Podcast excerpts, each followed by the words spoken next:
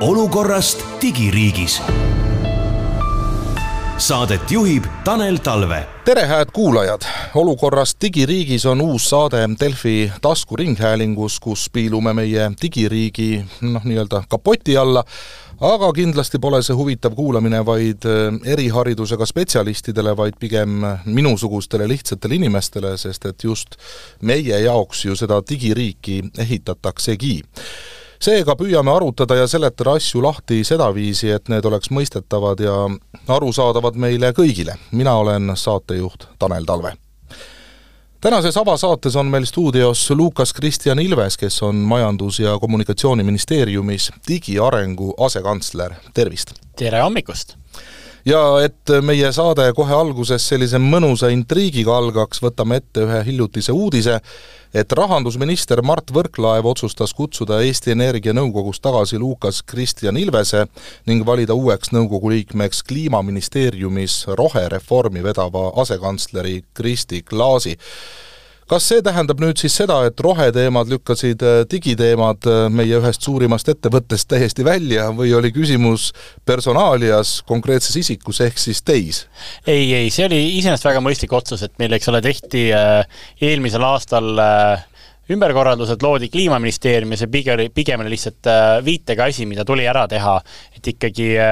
lisaks Rahandusministeeriumi esindajale oleks just keegi selle ministeeriumi laua tagant, kes neid suuri CO2-ga seonduvaid otsuseid teeb. no Eesti Energia vaatest jah, muidugi neil on ka tehnoloogia ja kogu digipööre väga oluline, aga olemuslikult nende äri ikkagi seisneb selles, et ta, ta tegeleb molekuulidega, ta teeb hetkel veel väga süsinikuintensiivselt, toodab meile elektrit ja, ja see, kui need, kes seda kliimapööret juhivad, on seal laua taga, see on ainult mõistlik otsus ja see oli ikkagi tingitud sellest sisust no loodetavasti digitaliseerimine ja kõik see teema ikkagi on seal jätkuvalt tähelepanu all ja ka lõppude lõpuks saavad meie võrgu äh, varustuskindluse eest vastutajad ja. võib-olla pisut rohkem ma, seda digit endale ma, sisse. ma selles mõttes Eesti Energia juht, eks ole, Andrus Tureiko, kes on nüüd selle aasta aega äh, seda ettevõtet äh, tüürinud, on ju sellise korraliku digitaustaga, siin varem juhtis Ericssoni Eesti üksust, nii et mul seda kahtlust ei ole. ja mul, eks mul nii-öelda nõukogu vaatest on pigem just väga hea teadmine, et äh, ta võtab neid asju käsile,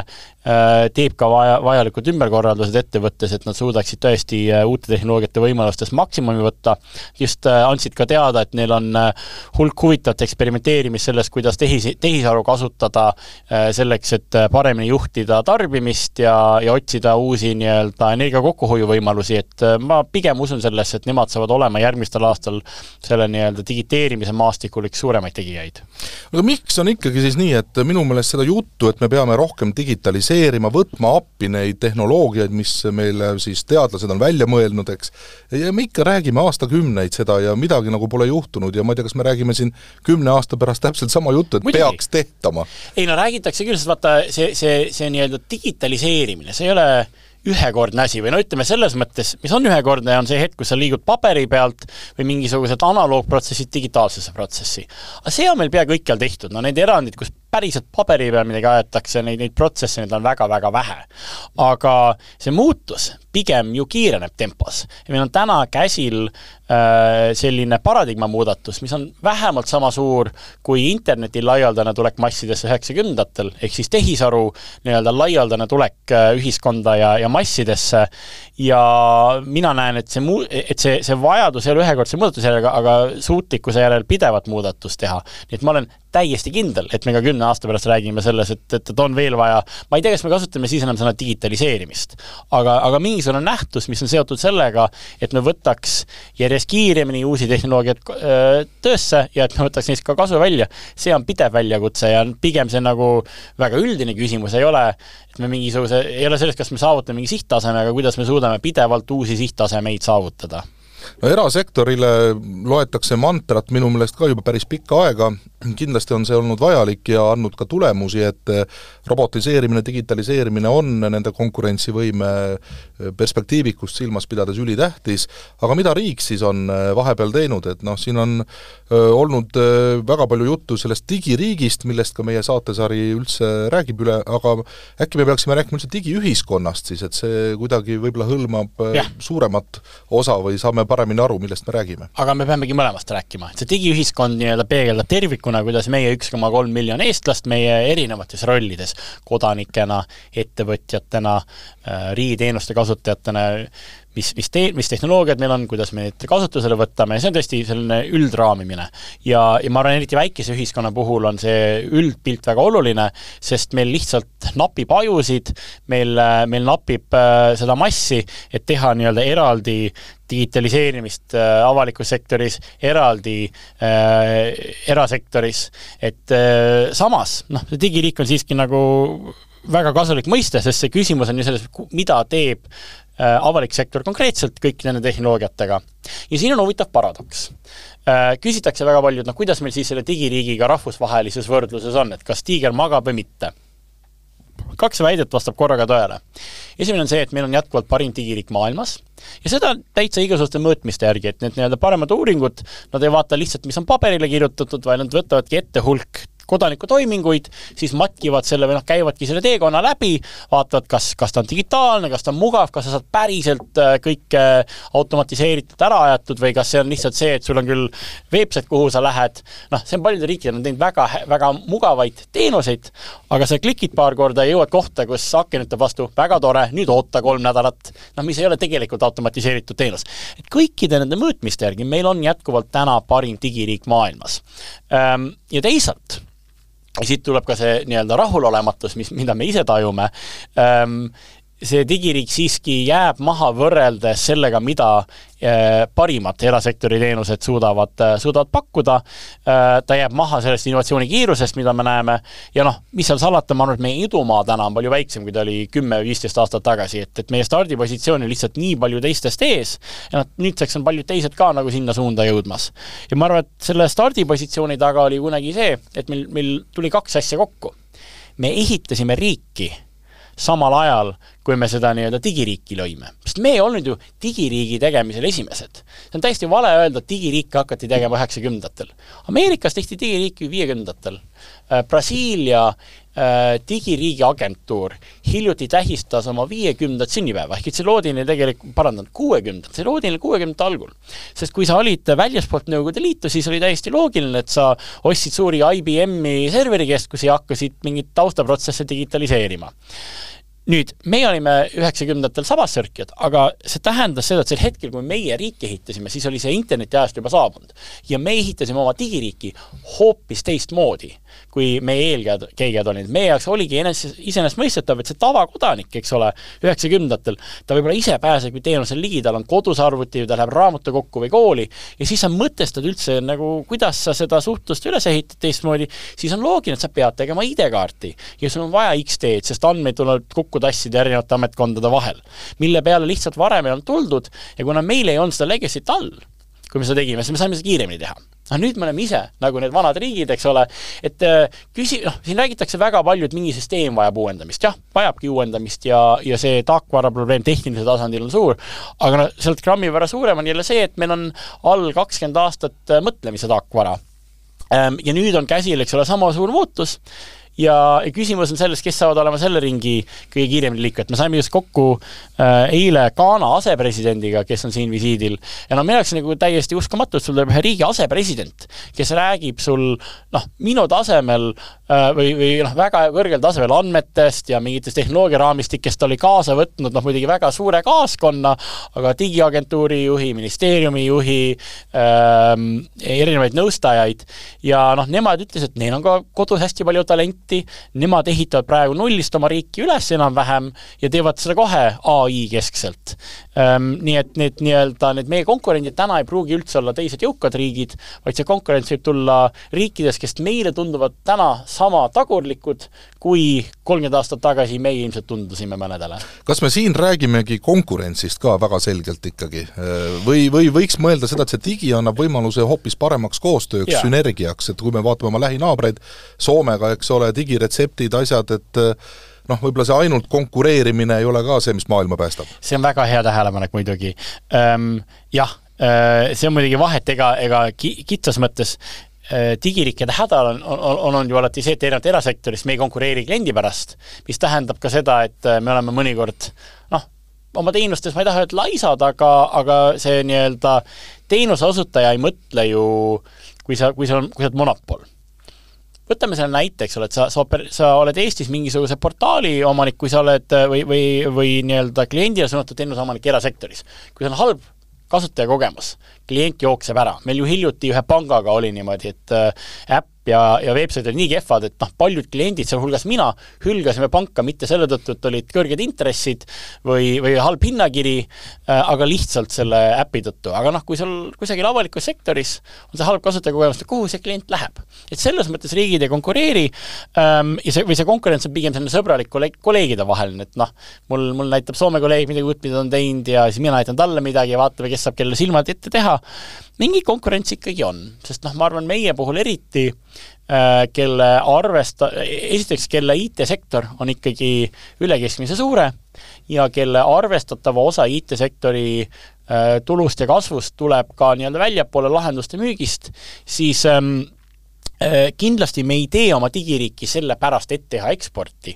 aga see on ka kaalutlus, millele me peame mõtlema, äh, see on äh, üks väga oluline lisaväärtus, sest lõpuks, eks ole, kui, kui me suudame luua olukorra, kus me mitte ainult ei maksa, nii-öelda ei, ei, ei, ei ole maksumaksjale kulu, aga kus ikkagi kaudselt läbi selle tegevuse loome väga hästi tasuvaid töökohti ähm, ja noh, me ei räägi ju ainult siin rahast, aga ka geopoliitilises mõttes, see on see asi, mis maailma huvitab, et meil on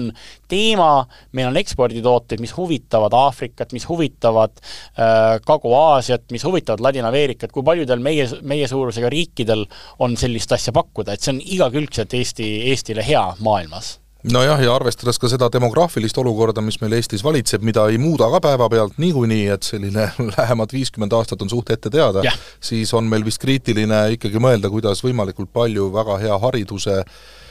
ja ütleme, sellise kõrgema mm, mõtlemisvõimega inimesi siia Eestisse siiski saada, et äh, võib-olla see noh, digiriik kui selline on ka üks võimalustest neid äh, inimesi siia saada või on meil piisavalt juba tööjõudu selles valdkonnas ja selle taga asjad ei seisa? vot see on väga huvitav küsimus, mida sa praegu tõstatas, üks asi on muidugi äh, äh, välistööjõu meie ettevõtetes ja seda on ja see ei ole nüüd digiriigi spetsiifiline, meie IT-sektor on rääkinud vajadusest saada kümneid tuhandeid äh, oskustöölisi juurde päris pikalt ähm,. Me oleme seda pigem, eks ole, nüüd viimase kahe aasta jooksul grammi võrra keerulisemaks teinud, sest äh, Valgevene ja Venemaaga seotud äh, välistööjõud on risk, Äh, ta ei ole risk ainult nende inimeste endi pärast, aga sellepärast, mida nende riikide salateenistused võivad teha nende inimeste perekondadele ähm, ja, ja kindlasti, kui me digiriigist räägime, siis me peame olema nii-öelda avaliku sektori lahenduste osas hästi ettevaatlikud selle riski osas. Ähm, aga siis järgmine huvitav küsimus on, kuidas on siis selle välistööjõuga avaliku sektori sees? praegu on siin valdavaks piiravaks faktoriks keel ähm, sest mõistagi on Eesti riigiasutustel üldine nõue, äh, et äh, nende töötajad räägivad eesti keelt. Äh, ma toon siin aga huvitava võrdluse, et, et paljud Lääne-Euroopa riigid, paljudes Lääne-Euroopa riikides on, on, on osa nende nii-öelda avaliku sektori IT-asutuses läinud inglise keelele üle. just sellesama tööjõu kaalutlusel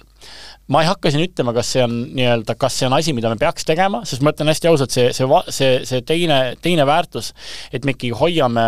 no mitte lihtsalt abstraktses mõttes eesti keelt riigikeelena, aga väga konkreetselt, et me hoiame seda käibekeelena tehnoloogia valdkonnas, on meie jaoks väga suur väärtus. Äh, ja, ja seda väärtust ei tahaks lasta niisama käest minna. Äh, ehk et see on, see on taustal küsimus, seal mingi kasu oleks, hetkel me ei ole sellist aktiivset ettepanekut tegemas, sest me ikkagi näeme, et, et meil seda talenti on ja, ja me suudame ikkagi ka praegu asjad väga ilusti eesti keeles ära aetud ja sellel on ka oma eeliseid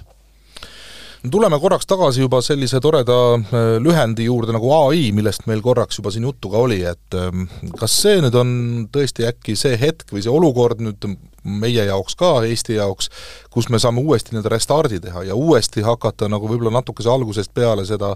teenäitaja, pioneeri rolli äh, üles näitama siin kogu maailmas või on see ai äkki hoopis ikkagi mingisugune lihtsalt selline noh, kuidas ma eesti keeles ütlen, mull, eks ole, et õhku täis ja, ja võib-olla polegi asi nii väärt, kui see siin meedia kaudu tundub. mull ta kindlasti ei ole äh, et noh, neid tehnoloogia mulje on küll, eks ole, plokiahel oli paar aastat tagasi selline äh, ja ai-ga muidugi see, et äh, see ei ole esimene kord, mil me sellest räägime, see mõiste on seitsekümmend aastat vana ja neid ai mulje on varem olnud päris palju. aga kui me vaatame mida saab täna teha nende tööriistadega, rääkimata nii-öelda sellest, mida see tehnoloogia aasta või kahe pärast võimaldab, siis see juba muudab väga paljudes valdkondades, kuidas üldse tehakse tööd. et mina, mina olen küll valmis pea pakule panema, ütlema, et äh, praegused ai hüpped ei ole mull, kas, kas päris need nii-öelda kõige julgemad prognoosid, ma ei tea selle kohta, kuidas nii-öelda kõik jäävad töötuks ja no rääkimata sellest, äh, sellest üldtehisintellektist, kes inimeste seest ära jookseb, kas see realiseerub, ma ei tea, aga, aga puhtalt juba täna olemasolevad tehnoloogiad toovad väga suure muudatuse. ja siis, eks ole, on su, su küsimuse nii-öelda teine ots, et kas Eesti teeb siis restardi? Äh, mina usun, et me võiksime, ma arvan, et me oleme pikka aega seda spunki otsinud ja ja rääkinud nii-öelda tiigrihüpe kaks nullist ja ma arvan, et kui üldse on selleks paras hetk, siis ta on praegu, see, see, see, see põhjus, eks ole, ta ei ole isegi Eesti-keskne, ta on lihtsalt see, et see paradigma muudatus, mis nüüd tuleb, ta on sama põhimõtteline kui internet üheksakümnendatel ähm, mida ta toob, äh, ta toob uue asja, ehk siis nii-öelda inimtaseme või noh, inimlaadse mõistuse, millel on olemas tehnoloogiateenuse omadused. ehk äh, teksti tootmine, andmete analüüs, kõiksugused, noh, kõiksugused tegevused, kus see inimmõistus on suureks pudelikaelaks olnud. korraga saad sa selle mõistuse kätte, nii nagu sa saad mõnda tehnoloogiateenust, ehk et igal hetkel, kakskümmend neli seitse, ähm, peaaegu äh, nii-öelda ilma igasuguse ajalise viiteta ja see muudab väga palju sektorit, ma, ma tea-, muide, ma taotluslikult, ma ei olnud odavamat, sest ta ei olnud, ta ei ole alati odavam, aga sageli, eks ole, see hind ei ole ju ainus asi, mis loeb. vaid on see nii-öelda äh, järjepidevus üldse, kas sa saad selle võime kätte, no riigis, kus on tööjõupuudus, me võib-olla ei vaja ai-d selleks, et äh, kokku hoida, vaid üldse asendada äh, inimesi, keda ei ole. Ähm, Ühesõnaga, need võimalused on hästi suured ja nüüd on see küsimus meile kollektiivselt, kas, kas Eesti kitsas mõttes riik ja siis laiemas mõttes ühiskond suudab olla esimeste seas, kes selle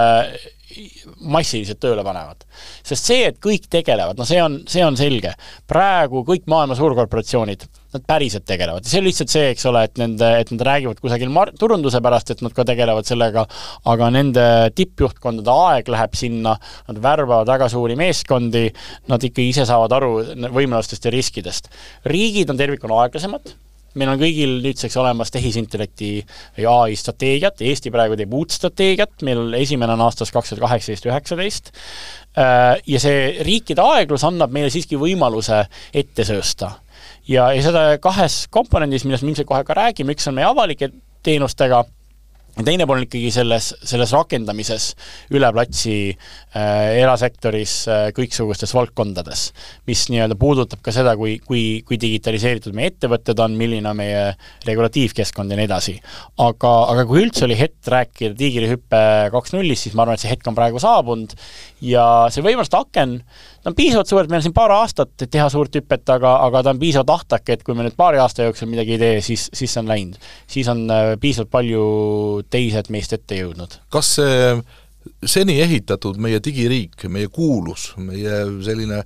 noh, au ja uhkus, kas selle olemasolu on äh, selle uue hüppe jaoks pigem taak või on ta pigem siiski võimalus, sest et ma olen aru saanud, et me oleme ikkagi mingisse stagnatsiooni täna jõudnud, me pidevalt püüame mingeid uu-, vanu lahendusi nagu elus hoida, kuidagi animeerida, aga midagi nagu ei tööta ikkagi päeva lõpuks ja jube kallis on kõik, et noh, kui me räägime riiklikest andmebaasidest, no see on juba varsti ju naljanumber, eks ole, kuidas kogu aeg midagi täiendatakse, aga midagi ei tööta ikkagi jätkuvalt. Ja ei no. hakkagi tööle, sest targem oleks uus maja ehitada ammu juba ta, ta, eks ta on natuke mõlemat, ma adresseerin kohe seda kalliduse elementi, et noh, ta, ta tundub kallis, aga ega ta ei ole meil kallim kui kusagil mujal. et äh, mul on alati hea rääkida oma suurriikide kolleegidega, et äh, meie äparduste ja nende äparduste vahe on see, et meie äpardus maksab paar miljonit, nende äpardus maksab paarsada miljonit. ja noh, ilma naljata, äpardused suurriikides, riigi IT-s maksavad sadu miljoneid või miljardeid ähm,. Ja, ja üldiselt meie kulutame protsendina riigieelarvest või SKT-st umbes sama palju kui kõik teised arenenud riigid, et noh, siin nagu me räägime nagu null koma ühe või kahe protsendist sinna või tänna, sõltub natuke mõõtmisest, eh, me kulutame palju, aga ma kindlasti ei ütle, et, et me täna kulutame liiga palju. aga kas ta on siis taakvara või mitte? Eh, konkreetsed tehnoloogiad ja konkreetsed süsteemid, kindlasti on taakvara, kindlasti on vaja välja vahetada ja, ja täna, eks ole, mis meid võib-olla segab kõige rohkem, on see, et see viis, kuidas me oleme seda riiki ehitanud, hankimise ja kulutamise vaatest on see, et me oleme ühekordselt teinud suuri investeeringuid, me ei ole nii-öelda pideva teenusena rahastanud nende asjade osutamist ja ilmselt võiks ka rohkem sisse osta mingisuguseid teenusekomponente. aga teisalt, mida me oleme loonud selle tehnoloogia baasil, on meeletuid andmestikke ja teenuseid, mis annavad äh, hüppelaua selleks nii-öelda tehisintellektiks. esiteks, tehisintellekti nii-öelda baastooraine on andmed. ilma andmeteta sa ei treeni teda, ilma andmeteta sa ei automatiseeri ja siin äh, jälle, võib väga palju kritiseerida, meil on väga palju tööd teha, aga samas, kui me vaatame oma andmete hulka, nende korrastatust, me oleme väga heas seisus äh, nii avaandmetega kui tervikuna riigi andmetega, see on olnud meil, see on olnud selle nii-öelda digiriik üks null ikkagi üks fundamentaalseid äh, äh, tegevusi on andmete haldamine, korrastamine ähm, ja, ja see töö on, noh, see töö on pidev, äh, ai muudab natuke, seda tööd teha, aga see annab meile väga hea baasi. Ähm, ja teine asi on, ongi see suur teenuste hulk selles mõttes, et meil on, mida automatiseerida, meil on kasutusandmeid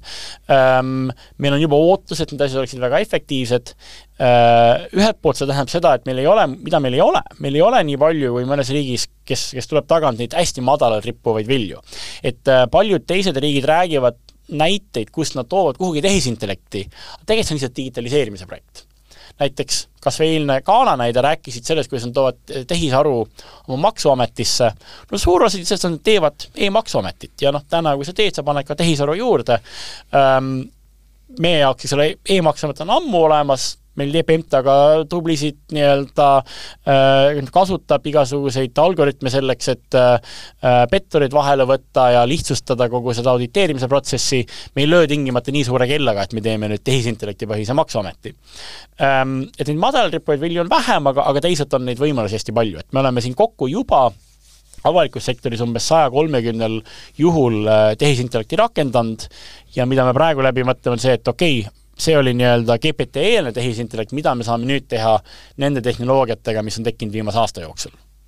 no sellest ai-st me võime, mitte me ei või, vaid me kindlasti teemegi täiesti eraldi saate ka ja, ja lahkame seda eh, pisut eh, tõsisemalt, sellepärast et eh, minul isiklikult on üks selline pisikene küsimus kogu selle asja juures, et seda tehisintelligentsi peab ju kuidagi jube palju usaldama.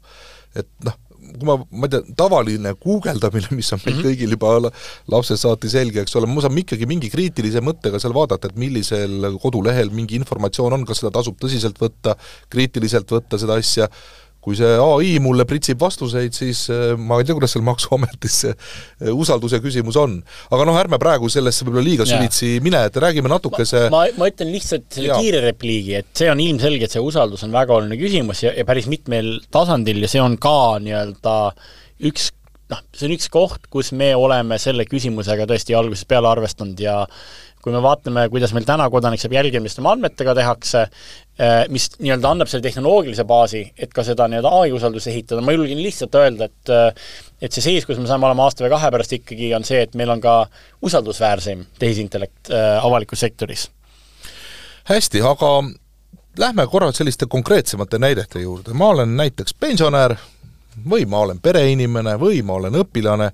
no miks pagana pärast mul seda digiriiki kui sellist üldse vaja on ja üleüldse nüüd me räägime e-riigi asemel juba ju M-riigist mm, -hmm. mis mhm, on muidugi mm -hmm. väga mõistlik arvatavasti, et äh, kuidas nüüd sellisele inimesele seletada, et äh, mismoodi tegelikult see, mida te igapäevaselt ju möllate teha, et kuidas ja. see mõjutab tavainimese elu? no pension on väga hea näide, sest äh, võib ju olla niimoodi, et pensionär ei peagi äh, ei pea tajuma, et see, et see digiriik on olemas. mõistagi ta, tal on kindlasti ka oma toiminguid,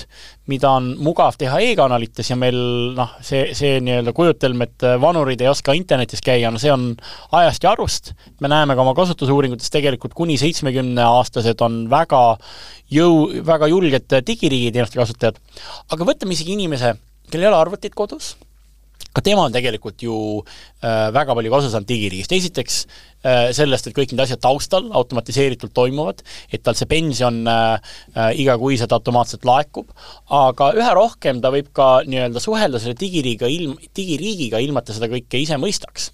ähm,. Et see nii-öelda see tehisintellektiga ka suhtlus ei pea ju olema tingimata see, et sul on telefonis tehisintellekt või sul on mingisugune äh, keeruline vidin, see võib olla ka see, et sa helistad kuhugi ja vastus on tehisintellekt. ja, ja see tehisintellekt on piisavalt hea, et sa saadki selle teenuse ajada, et sa saad oma passi uuendada, ühendamise tehtud näiteks telefonikõne teel või sa saad näiteks oma pensionikontot suunata telefonikõne teel ja see pensionär võib-olla ei saagi aru, et ta suhtles, suhtles tehisaruga. ja, ja siis, eks ole, tasub ka nagu süsteemses mõttes mõelda, et, et isegi need inimesed, ke-, kel-, kes jäävad siis inimesega suhtlema, saavad selle inimesega suhelda ja saavad seda personaalset teenindust näost näkku suheldes tänu sellele, et meil on taustal see digiriik sest noh, kui me mõtleme öö, ähm, oma ametkondade suuruste peale, toome väga hea näite Sotsiaalkindlustusametist. Äh, vanasti tegeles meil nii-öelda iseteeninduse töötaja SKA-s ähm, kahekümne juhtumi, äh, juhtumi kallal päevas ähm, ja siis noh, need pigem nagu lihtsamad juhud. Äh, nüüd, kui me oleme hä-, hästi, kui me asju hästi ära automatiseerinud, siis see nii-öelda see, siis see nii-öelda telefoni otsas äh, klienditeenindaja saab tegeleda nende keeruliste juhtumitega. ja see on hoopis teine väljakutse sul on, perevägivalla juhtumid, sul on mingisugused väga keerulised otsad, kus äh, võib-olla toetuste erinevad nõuded ei jookse lihtsasti kokku seaduses, ja ta saabki sellele inimesele, kelle juhu, kelle, kelle vajadus on hästi keeruline, rohkem tähelepanu pakkuda. või näiteks Omniva pakub meil sellist teenust, et koju tuleb äh, postiljon koos äh,, koos tahv, koos tahvliga või arvutiga ja siis ta istub selle pensioniga koos ja aitab neid e-teenust läbi käia. et lõpuks, eks ole, sul võib olla ka pensionär, kes tajub, et tema suhtleb inimesega, aga see, et see inimene seal on, et meil on selleks vahendid, et see, et see inimene saaks talle koju sõita, on ju tänu sellele et, et üheksakümmend viis protsenti meist ei vaja seda teenindust. et meil oleks see nagu see eesmärk selle digiühiskonnaga ei pea olema tingimata see, et igaüks meist istub selle tahvli taga äh,, vaid äh,, vaid et me saame selle terviku saavutatud, et kõigil oleks see hea, võimalikult vähe häiriv, võimalikult mugav suhtlus riigiga, see on ju personaalse riigi mõte. Äh, et meil ei ole vaja ühetaolist lahendust kõigile, et see riigi keerukus kaob ära ja see riigi keerukus võib erinevatel viisil, erinev, noh, erinevatel inimestel erineval viisil ära kaduda, et minu jaoks, kui ma saan selle teavituse mobiiltelefoni, et ähm, et noh, mul on mingisugune uus toetus olemas või ma võin mingi toimingu ära ajada ja mul on see äpp olemas, väga mugav, aga teise inimese jaoks võibki olla telefonikõne või, või, või otsene suhtlus klienditeenindajaga. ja ometi me ju jätkuvalt räägime sellest, et me ei saa teha diferentseeritud toetusmeetmeid, sellepärast et mm -hmm. ikka see ühetaoline on nagu mingi jumal,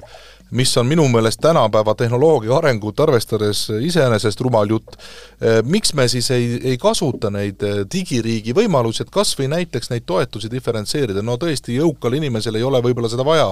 madalamapalgalisele on vaja, aga me ei saa, me peame kõigile kas tegema või mitte kellelegi mitte midagi tegema. no vot, ja, ja nüüd me jõuame ju selleni, et ega, ega digiriik ei lahenda kõike, et siin on väga palju riigi küsimusi ja riigi juhtimise küsimusi, kus see tehnoloogia on ju lihtsalt abivahend, et seda me, me ka korda, kogu aeg kordame mantrat, et äh, meil võib olla küll jutumärkides digiriigi juht, ma ei pea ennast selleks nii-öelda kuidagi formaalses mõttes, sest ma ei juhi ju kõiki neid teenuseid, meil võib olla digiriigi agentuur või asutus RIA, aga, aga tegelikult on meil ju hulk teenuseid,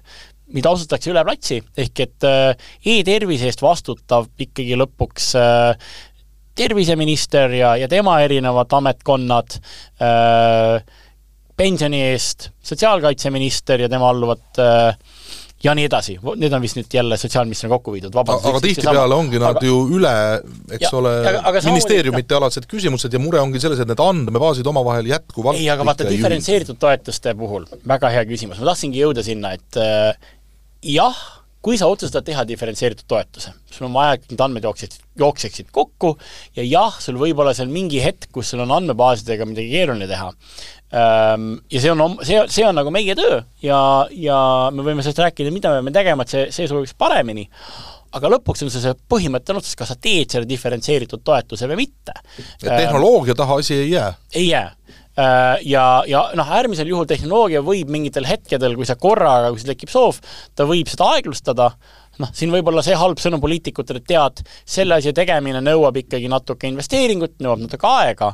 Äh, ja poliitikud küsivad õigustatult, kuidas me saaks seda tehnoloogiat juhtida niimoodi, et kui ma teen otsuse, et see kohe jõuaks ka nagu pärisellu ja peabki jõudma, aga ikkagi suurem küsimus on, mis on need olemuslikud otsused. et kui noh, sa puudutasid seda, et me täna saame andmetega teha diferentseerimist. ja see diferentseerimine, mida tehisintellekt võimaldab, no see on hoopis teisest mastist. et, äh, et noh, see, mida erasektor saab täna teha, eks ole, ta vaatab, nagu ta loob eraldi igale kliendile profiili ja ta ei tee seda manuaalselt, vaid kogu aeg uuendab seda andmete pealt ja siis hakkabki nagu natuke eristama neid pakkumisi, me võime ette kujutada, kuidas avalik sektor võiks sama asja teha.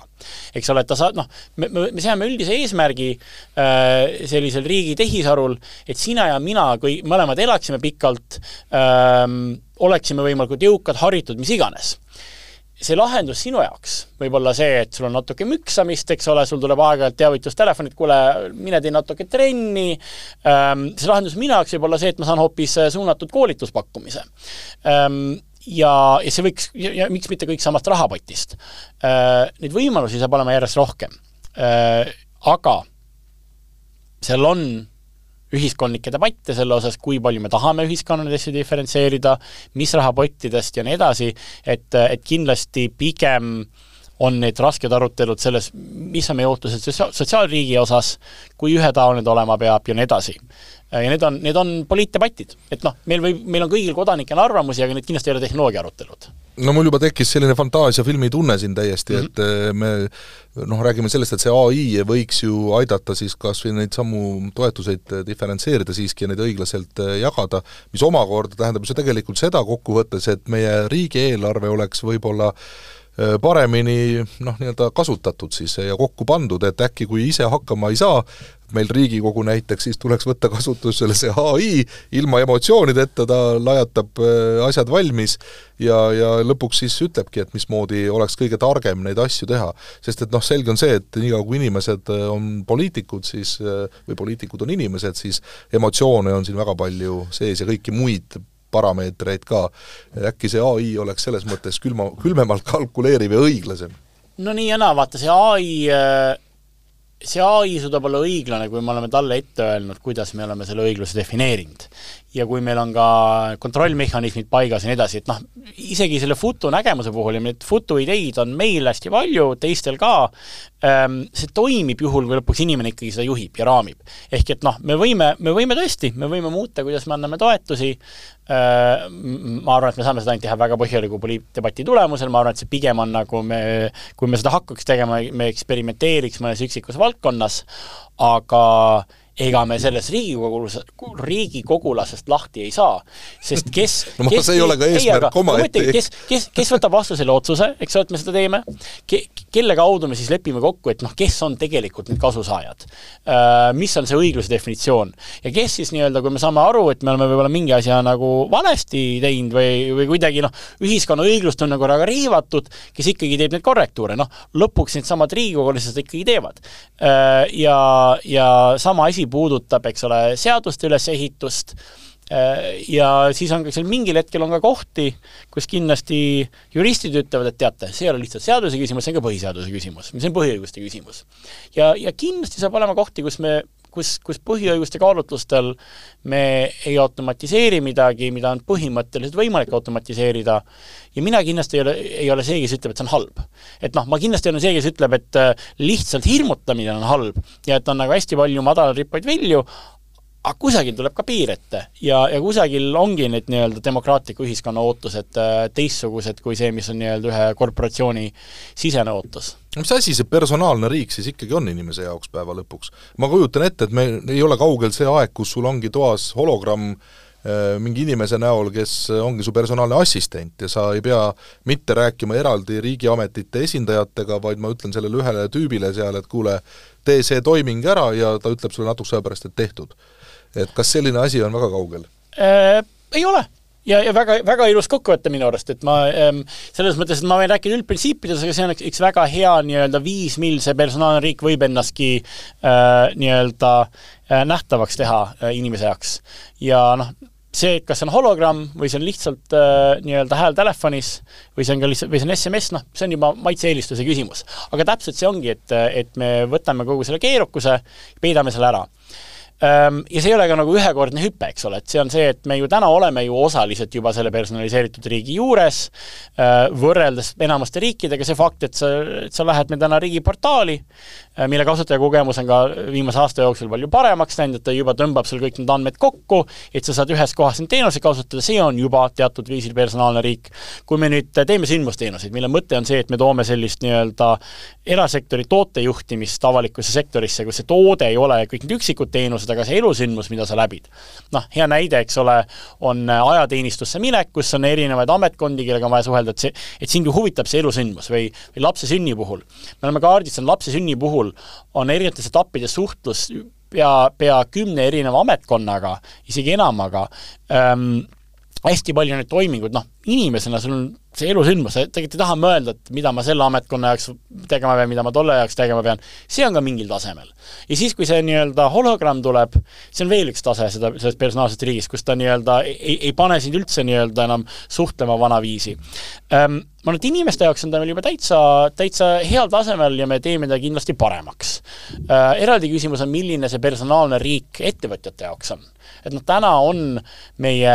ettevõtjate kui kasutajate rahulolu meie teenustega madalam kui, kui üksikisikute ja see on selle tõttu, et nii-öelda üksikisikute jaoks selle riigi lihtsaks tegemine, see oli uus eesmärk. aga ettevõtete halduskoormus, see pigem on ajas kasvanud, regulatsioone on juurde tulnud, raporteerimiskohustusi on juurde tulnud, et selle personaalse riigi üks, ma arvan, oluline hüpe on see, et me me ei tegele ainult kodaniku kasutajakogemusega, me tegeleme sama palju ka selle nii-öelda ettevõtja kasutajakogemusega. ja selle väärtus muidugi on omakorda see, et me võiks selle ettevõtte pidamise teha paljudele palju lihtsamaks. et noh, need, kes meist on äh, nii-öelda proovinud tööandjana lihtsalt ühte inimest tööle võtta, maksta tema sotsiaalmakse, kõike seda teha, on keeruline. Äh, ja, ja kui sa oled suurettevõte, see on lihtne, kui sa oled väikeettevõte, kui sa oled see nii-öelda äh, ühe mehe, kahe, äh, kahe mehe, naise, mis iganes ettevõte, siis see, see bürokraatia mingil hetkel võib ka heidutada ja kui me seda teeme kõik sama lihtsaks, kui täna juba on need üksikisiku asjad, siis selle tulemus on ju tegelikult see, et meil on rohkem ettevõtjaid, rohkem äh, inimesi, kes, kes nii-öelda, kes riskeerivad, kes teevad uusi asju, ka, ka jälle nii-öelda on see platvorm äh, ka välismaalaste jaoks jälle grammi võrra atraktiivsem, sest me ei ole kaugeltki enam ainus riik, kellel on olemas e-residentsus, et nüüd on see küsimus, et mis on see teenuste platvorm, millele see e-resident ligile pääseb, miks on see Eesti keskkond ikkagi parem koht, kus seda ettevõtet pidada, kui, kui mõne teise riigi oma. aga me oleme nüüd siin päris palju rääkinud, et võiks olla nii, võiks olla naa mm, -hmm toome mõned konkreetsed näited ka, aasta on nüüd kaks tuhat kakskümmend neli meil juba, selline vahva ulmefilmi mm -hmm. number ju tegelikult. mis teil äh, sel aastal nii-öelda käivitada on plaanis, mis päriselt tuleb, mis muutub ja. paremaks nii eraisikule kui ettevõtjale? jah, nii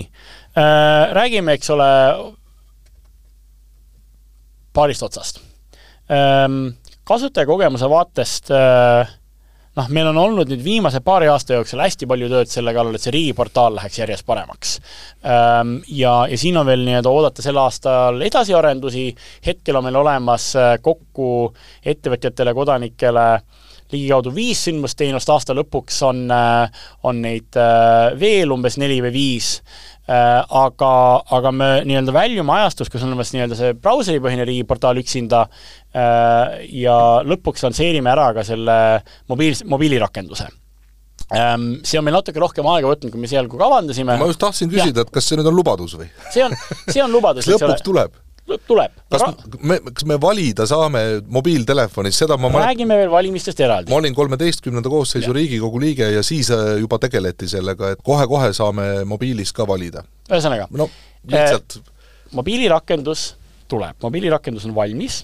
äh,, meil ilmnes, eks ole, see küsimus, et me, meie esialgne plaan oli nii-öelda välja tulla sellise suht beeta tootega, mõttega, et me arendame seda pidevalt edasi ähm,, võib-olla ütleks, et avalikus sektoris sellist startup-ilikku lähenemist lõpuni võib-olla ei saa alati kasutada ja siin, siin ka näitas teiste riikide kogemused, kui tulla välja eriti sellega, et see ID-kaart mobiilis siis ei ole veel ära ära vormistatud seaduses, siis see võib segadust tekitada, ehk meil läks see nädal kooskõlastusringile siseministri ähm, ettepanek muuta isikut tõendavate dokumentide seadus, mille tulemusena, kui see rakendus tuleb, me oleme seadnud praegu endale tähtajaks kolmekümnenda juuni, aga,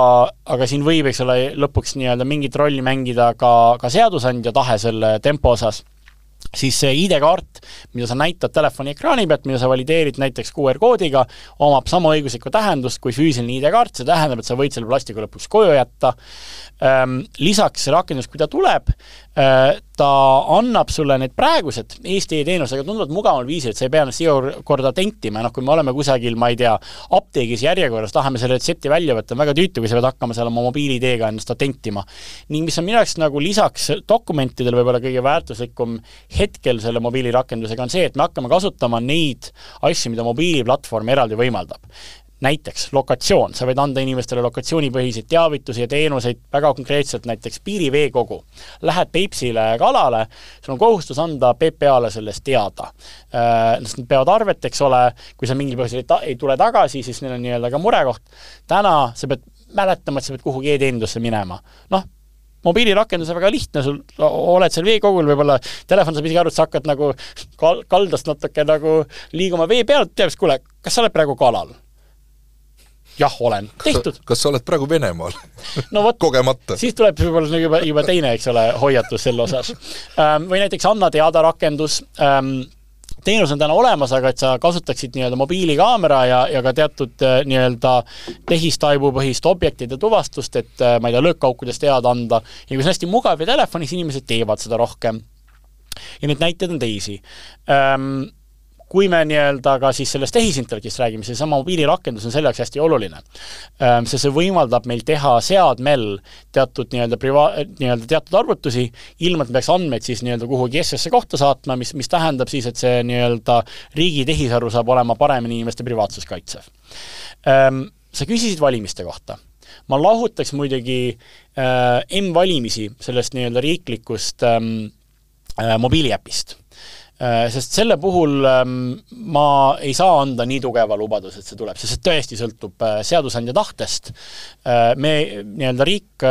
veel valitsus on teinud ettepaneku muuta valimisseadust viisil, Äh, mis väga selgelt võimaldaks kasutada ka mobiilirakendusi. me tegelikult usume, et see on ka täna täiesti võimalik seaduste kohaselt, aga, aga tagasiside muu, muuhulgas valimiskomisjonilt ja, ja riigi valimisteenistus on see, et nad tahavad seda ähm,, tahavad seda selgemini näha seaduses ähm,. lõppkokkuvõttes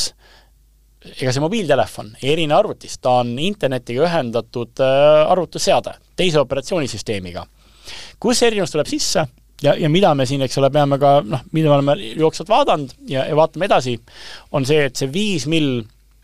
tarkvara seadmesse viiakse, erineb mobiiltelefoni puhul, ehk et äh, kui sa arvuti puhul laed selle valijate rakenduse alla valimiskomisjoni veebsaidilt, siis mobiili puhul sa lähed App Store'i äh, ja seal on nii-öelda teoreetilisi võimalusi, kuidas siin App Store'i võiks justkui mingisugune võltsrakendus tekkida. nüüd,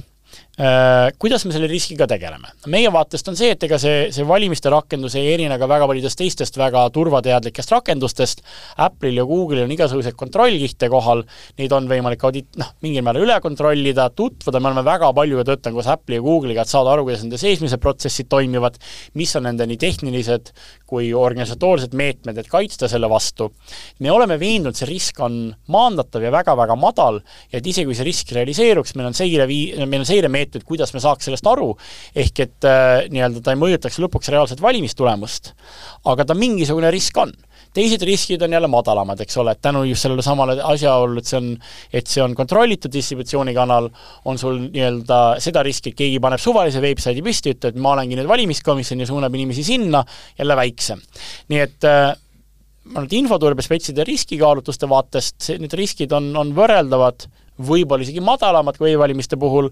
aga, aga teisalt, eks ole, vastab ka tõele, et see tõendusbarjäär uue asja jaoks peab olema väga kõrgel, kui me tegeleme siin sellise fundamentaalprotsessiga nagu, nagu valimised, ehk et me oleme selle ettepaneku teinud, meil on see rakendus olemas, see on turvatestitud, see on, see on eraldi rakendus äh,, nii-öelda otsus oli, et, et me hoiame nii-öelda valimiste rakenduse eraldiseisva asjana, võib-olla kunagi tulevikus nad võivad nii-öelda kokku liikuda selle riikliku rakendusega, see ei ole meil kuidagi täna plaanis ähm,, ja, ja see nii-öelda, kas me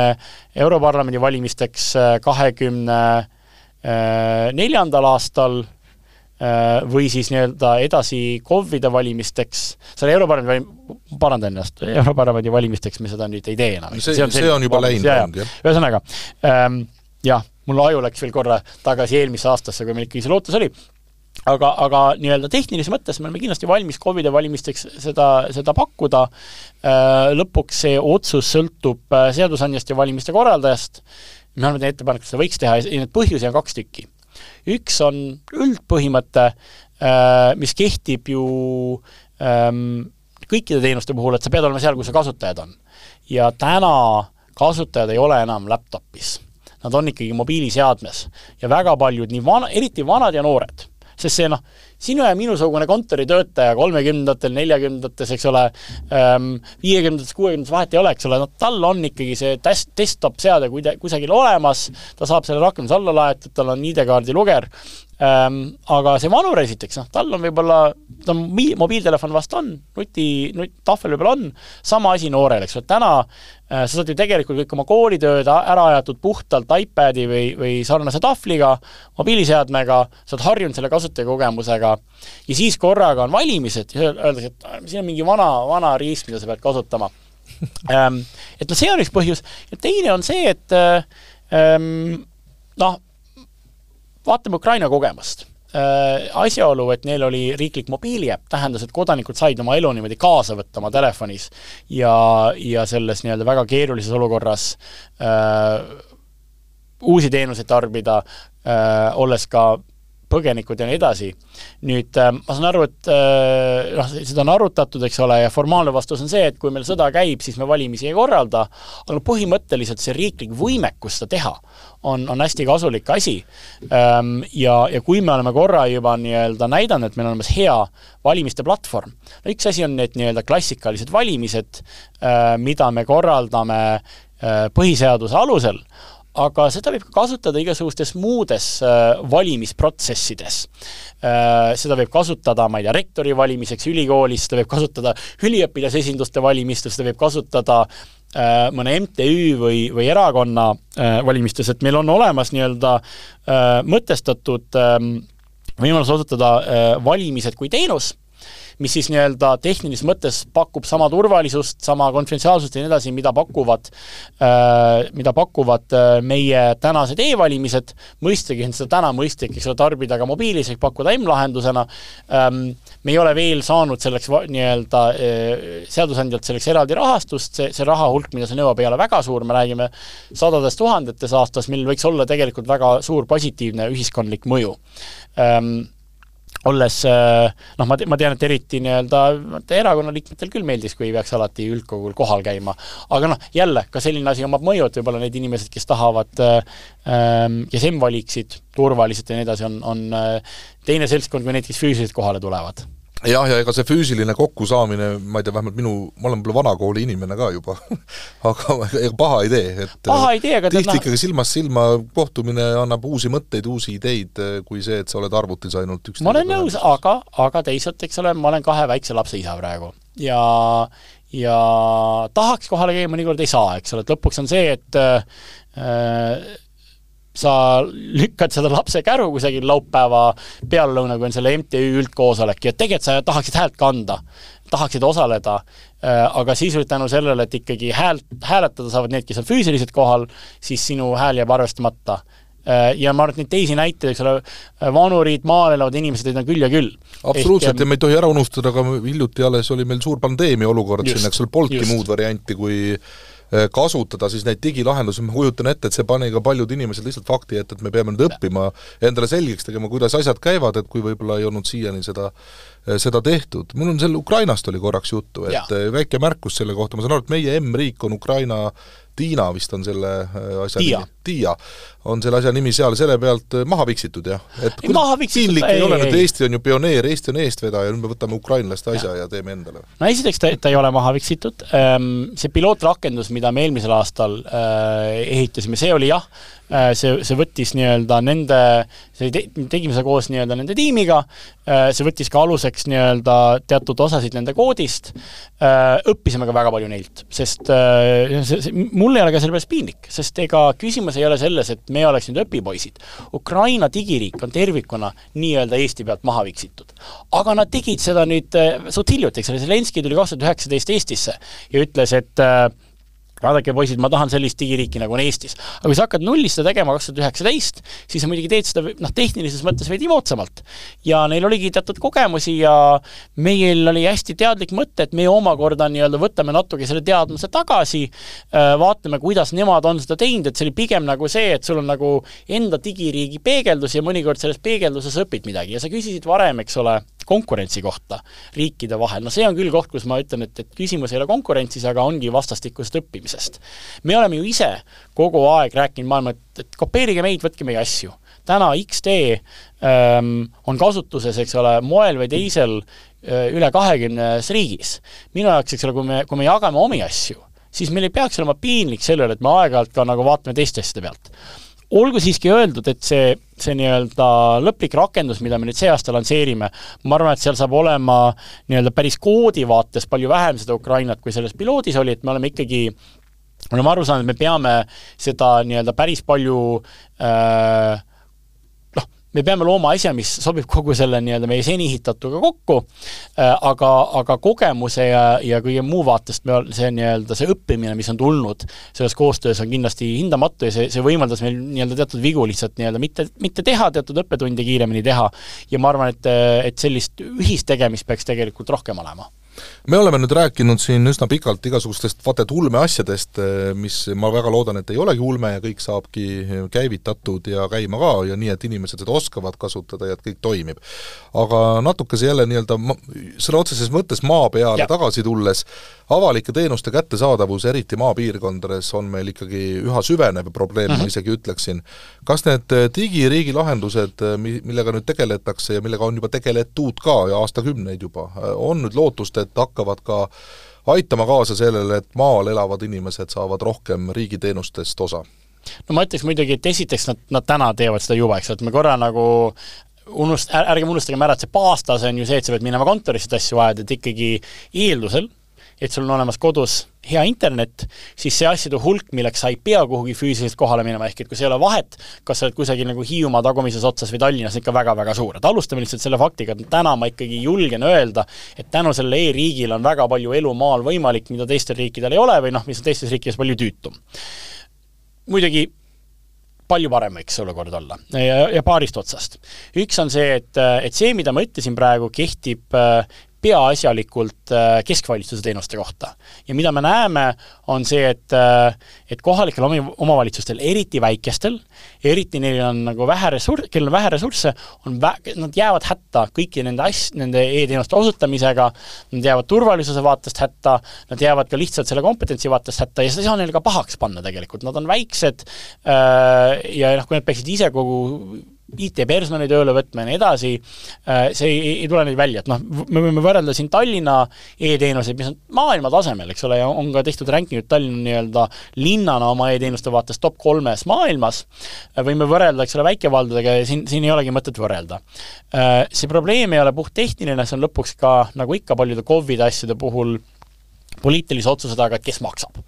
ähm, ja, ja kes vastutab ja kas me koondame need ressursid kokku või mitte, et äh, linnade-valdade liit on teinud siin väga tublit tööd, mõtestades, kuidas me võiks äh, luua kompetentsikeskuse keskselt äh, teatud nii-öelda teenuste juhtimiseks, et see nii-öelda teenuse omanik on ikkagi iga KOV, aga võib-olla on ühine tehnoloogiaplatvorm, tehakse ühiseid hankeid, aga, aga see nõuab ka seda, et nii-öelda see päriselt kokku tuleks. Ja, ja siin on ka need pikaajalised küsimused, et kui palju keskvalitsus saab selle eest vastutada. Ähm, ja, ja teine element on, noh, see on nüüd lihtsalt praegused teenused, praegused keskkonnad, teine on see nagu fotoelement, et kuidas nüüd mõned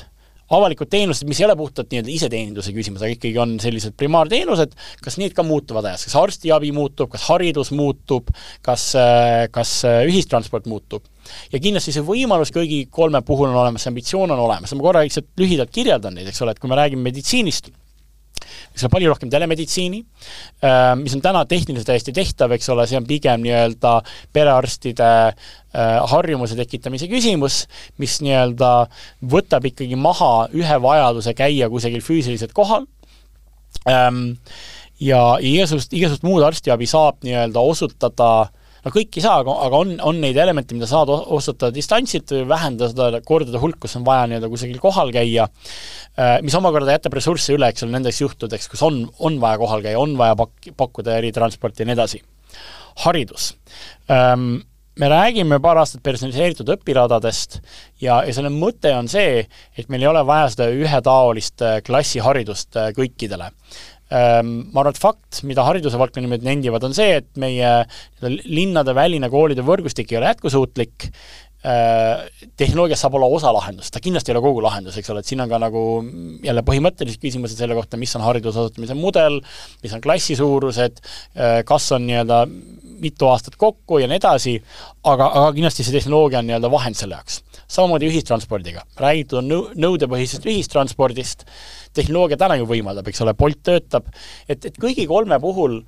ma julgen öelda, et, et see, et me täna ei tee nii palju, kui tänapäevane tehnoloogia võimaldab, et meil ei ole isegi, ma võtan sõna tagasi, ma ütlesin varem, varem, et see on futu, see on tegelikult täielik olevik.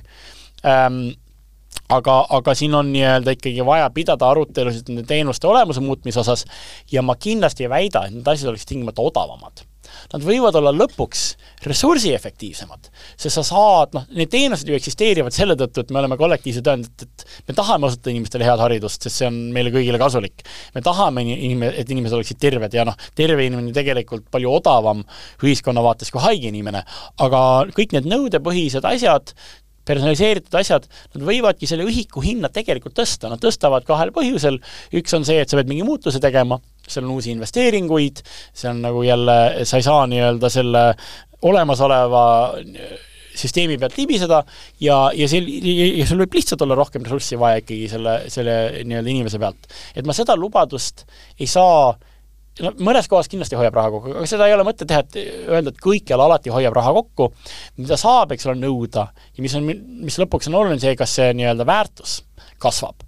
Ähm, aga, aga muidugi mul on lihtne ja pentsik seda nentida, see teeb selle poliitilise diskussiooni, kus meil on kõik need eelarve küsimused laual, keerulisemaks no ühistranspordiga olen ma ka isiklikult päris lähedalt olnud seotud ja tõepoolest võin kinnitada, et tehnoloogia taha mitte midagi ei jää, pigem on küsimus tahtmises kogu olemasolev mudel üle vaadata ja teistmoodi käima panna. ja see raha teema on ka väga hea märkus, sellepärast et äh, investeeringuna võiks seda asja ju vaadata, mis tulevikus annab kasu sulle, noh nii nagu ikkagi ettevõtluses asjad käivad aga jällegi mõne teise saate ja. Eh, eh, pikem teema, tegelikult ongi nii, et tänase saate aeg on märkamatult juba hakanud otsa saama, vaatate ümbergi juba. ma lõpetuseks tahaks mm, korra veel küsida seda, et meil täna on eriti aktuaalne õpetajate streik, eks ole, kõik meie noh, valdkonnad, kõik räägivad, raha ei ole ega tule mm. -hmm. mis nüüd siis saab, mis personaalsest e-riigist me räägime, kõik see vajab ikkagi ju täna investeeringuid, et tulevikus anda meile tulu, on see mis iganes kujul siis. kuidas te seal üldse tööd teete siis, kui raha ei ole ega tule? jah, äh, kaks märkust, noh, mingisugune rahastus on olemas tänu Euroopa Liidu vahenditele, kus on see nii-öelda pikk perspektiiv ähm,, on, on ette nähtud äh, digiriigi arendamiseks. aga teine pool osa sellest nii-öelda, mida valitsus on praegu ette võtnud, on nulleelarve. nulleelarve mõte on see, et me Äh, juhime tulemuste ja teenuste pealt, mitte lihtsalt olemasolevate tegevuste pealt. Äh, mul on väga lihtne öelda, aga see on karm tõde, et äh, mis tahes valdkonnas see proportsioon kulust, mis läheb tehnoloogiale, pigem kasvab ajas ja jääb ajas kasvama. noh, mõtleme ise, et kui me automatiseerime millegi, mida me võtame inimeselt ära või, või noh, asendame inimest, keda enam ei ole, siis mingi ressurss läheb jälle selle tehnoloogia peale. et suur osa sellest ressursist paratamatult peab tegelikult tulema olemasolevate äh, kulude pealt. ja ma võib-olla praegu lihtsalt nendin seda, sest ega me, me kujutame ette, missugused otsused selle taga on. ma arvan, pigem see küsimus on selles, et kui me, kui me ise neid otsuseid ei tee, mingil hetkel surub elu neid meile peale. et kui sa vaatad nende riikide olukordi, kes pea, kes on sunnitud tegema raskeid struktuurseid reforme, siis need ei ole kunagi äh, meeldivad lõiked ja need on alati hästi valusad. et natuke ikkagi on see küsimus personaalse riigiga, kas me ise tuleme äh, proaktiivselt, võiks öelda, ja, ja mõtleme välja, mis see tulevik olla võiks ja, ja natuke valu võib-olla võtame ka praegu vastu või, või võtame tulevikus suurema valu vastu Teil ei ole puudu siis raha, ma saan aru, teie sektoris, kõik teised räägivad, kuidas raha on puudu. ei, raha on, muidugi on raha puudu, selles mõttes, et äh, ma tuletasin meelde, et ei, jääks mulje ei, siin no,, eks ole, mõnedele inimestele ma võin tulla ja rääkida sellest nii-öelda, me, eks me rääkisime ka valitsusest, et kaheksasada miljonit eurot on puudu, et teha seda digiriiki, mida me tahame ütleme, see oli varjatud selle sõnumi taga, et ressursse peab leidma seesmiselt äh, ja, ja ei saa ainult tulla lisaeelarvete pealt, eks ole, midagi, eks ole, tuleb ka investeerida, aga ähm, ma ei tea, minu, minu mitte liiga pikk kogemus äh, avalikus sektoris näitab, et kui sa tuled ja lihtsalt räägid, et, et mingis valdkonnas on raha puudu ja kõik on halvasti, tegelikult selle peale raha ei saa äh,. Et, et, et nii-öelda raha kas see on õige või mitte, ma isegi ei, õigusta loogikat, aga, aga, aga raha üldiselt saab siis, kui sul on olemas nägemus, kuidas asi läheb paremaks ja ma arvan, et meil on nagu samamoodi, meil on hariduses ja tervishoius, meil on vaja neid visioone, kuidas hari, haridus ja tervishoid lähevad paremaks ja siis nii-öelda saab korraga panna lauale selle hinnalipikuga selle lisandväärtuse. Ehm, see ei ole muidugi praegu ühelegi streikivale õpetajale kuidagi lohutuseks, aga, aga ma arvan, et noh, see on, see on natuke see väljakutse. et äh, ma lihtsalt no jah, raha on puudu, aga raha, raha puudu milleks, eks ole, ma võin öelda, et minu puhul raha on puudu selleks, et teha sel moel ja sel viisil neid avalikke teenuseid, mida me justkui tahaks teha, ja siis on alati valiku koht. väga tuttavalt kõlab äh, meie Kaitseväe juhataja härra Heremi jutuna. eks need, eks, eks see struktuurne olukord on äh, mõneti sarnane. teen selle, seda, mida selle raha eest teha annab ja no loodame, et siis teeme seda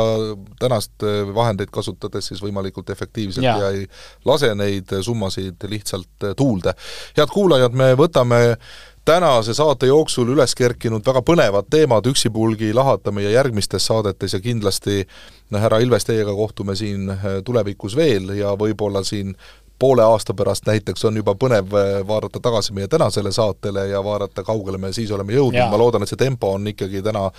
niivõrd peale, et me tahame poole aasta pärast juba mingeid reaalseid käegakatsutavaid kas ma, ma, ma teeme siis kiire reklaami, eks ole, et lihtsalt, et, et kuulaja teaks, eks ole, et mida meilt oodata, me rääkisime rakendusest, ma jätsin, me ei rääkinud sellest, et, et me, et meie bürokraat, mis on juba väljas, liidestakse see aasta ära äh, chat-GPT laadsete lahendustega, et ka see läheb järjest paremaks ja kõik need ai-põhised teenused. Ja siis meil tuleb ka paar sellist ilusat strateegiadokumenti, mis võib-olla nagu mõjuvad siis dokumendid, tegelikult nende taga on väga konkreetsed tegevuskavad, üks andmete tehisintellekti teemal äh, tahame, või noh, saadame seda lähinädalal välja avalikkusele äh, kommenteerimiseks ja kaasamõtlemiseks, personaalse riigi visioon koos tegevuskavaga ja millest me üldse täna rääkinud, turvalisus, küberjulgeolek, siis ka uus äh, küberturvalisuse, küberturvalisuse strateegia kas valguskaabli projekt ka kuhugi edasi liigub, ühesõnaga, kas inimesed ka maapiirkondades saavad lõpuks kõiki neid vahvaid äh, bürokratte ja muid avalikke teenuseid äh, kasutama ka hakata? hästi lühike vastus on liigub, äh, meil on umbes viis, viiskümmend miljonit eurot Euroopa Liidu vahendid, kus on ka Eesti maksumaksja kaasrahastus kulutada, aga see puudujääk rahas on sadades miljonites, ehk et täna see trajektoor liigub aga mitte nii kaugele, kui, kui oleks vaja minna, et see eesmärk, et kõikjal oleks gigabitt internet saabuks ja see, mis, mis need takistused on, mida me oleme õppinud senisest, mida me teeks teistmoodi, sest neid õppetunde päris palju, mida me nii-öelda täiesti alalhoidlikult ka, ka tunnistame, sellest peaks ka teises saates pikemalt rääkima. nii on, kahjuks tänase saate aeg tõepoolest on täis, head kuulajad, selline sai siis seekordne saade pealkirjaga Olukorrast digiriigis. stuudiokülaline oli Majandus- ja Kommunikatsiooniministeeriumi digiarengu asekantsler Lukas Kristjan Kristjan Ilves. mina olen saatejuht Tanel Talve, kuulmiseni!